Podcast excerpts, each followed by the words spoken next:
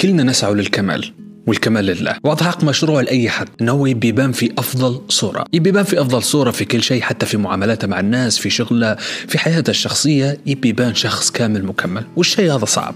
إنك تسعى للشيء هذا وتكون كامل من جميع النواحي صعب جدا. لكن في شوية حاجات مرن علي في الإنترنت نقدر نقولها لك توا ويساعدنك إنك توصل لشيء يرضيك. ديما خلي معك أي شيء تكتب فيه أفكارك والحاجة اللي تمر بها على مدار اليوم. ولو صعب إنك أنت تكتبهم وقت ديما خليهم في نهاية اليوم. بما إنك أنت واحد ديما تدور على أخطائك وأخطاء الآخرين كأول خطوة للانتقاد حاول تقلل شوية من الحاجة هذه. وبما إنك تنتقد واجد ديما دور مثلا على خمس مزايا في العمل أو في المكان اللي أنت موجود فيه. أنا عارف إن الموضوع صعب. عشان بس توازن هنا نظرتك النقدية ويكون عندك سلوك إيجابي جديد في حياتك. يعني ما تدورش على السلبيات بس. ديما غير كلامك حتى مع نفسك. ما تحسسش روحك بالذنب وإنك أنت ديما مقصر في كل شيء. الكلام السلبي والنقدي اللي توجه فيه روحك غيرة. من الأخير أعطي قيمة لنفسك. حتى ولو بسيطة جدا. ومع الوقت أبدأ زيد شوية بشوية. ديما كل واحد منا عنده هدف. وفي منهن أهداف غير واقعية. حاول إنك أنت تبدلهن بأهداف واقعية وقريبة. حاجة تقدر تديرها يعني. وقسم الخطوات باش تقدر توصل للهدف هذا القريب. كمثال بسيط.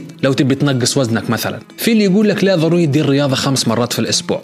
بس انت كبداية تشوف ان خمس مرات واجد. أبدأ بمرتين عشان هنا تقدر تلتزم وتكافئ روحك بالشيء. هذا وبعدين أبدأ شوية بشوية زيد من اثنين لثلاثه لاربعه لعند ما توصل للخمسة. أسمح لنفسك أو مشي الأخطاء البسيطة اللي أنت تدير فيهن. وديما احكي مع روحك وإن هذه ما هيش نهاية العالم. كلنا نديروا فيه أخطاء. بس ضروري هنا تقاوم رغبتك في محاولة إصلاح الشيء هذا. شيء مهم جدا واللي لازم تعودوا عليه إنك أنت ضروري تتقبل نقد الآخرين بالنسبة لك. وركز على فوائد النقد من الناس اللي قاعدين ينتقدوا فيك لكن بأدب وباحترام. يعني ما تخليش أي واحد يك وخلاص يجي ينتقدك وينقص من شأنك. لا خذ الحاجات المميزة من الكلام اللي قاله وحاول إنك أنت تخدم عليهن. في العموم حاول تتجنب قصة المماطلة والتأجيل. لأن السعي للكمال الدائم ممكن يخليك تأجل حاجات واجد عشان أنت مش متأكد إنك أنت حتديرها بشكل صحيح.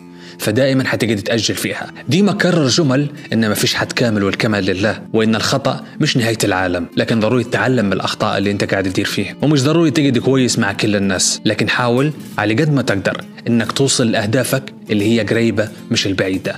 وفعلا لو خدمت على الحاجات هدينا حتلقى في تحسن كبير جدا حتى في حياتك. واحد من الناس أنا مانيش كامل في حاجات واجد. على قد ما نقدر نبي نستفيد من الشيء هذا ونحاول نقدم لكم حاجة ولو بربع جنيه. نوري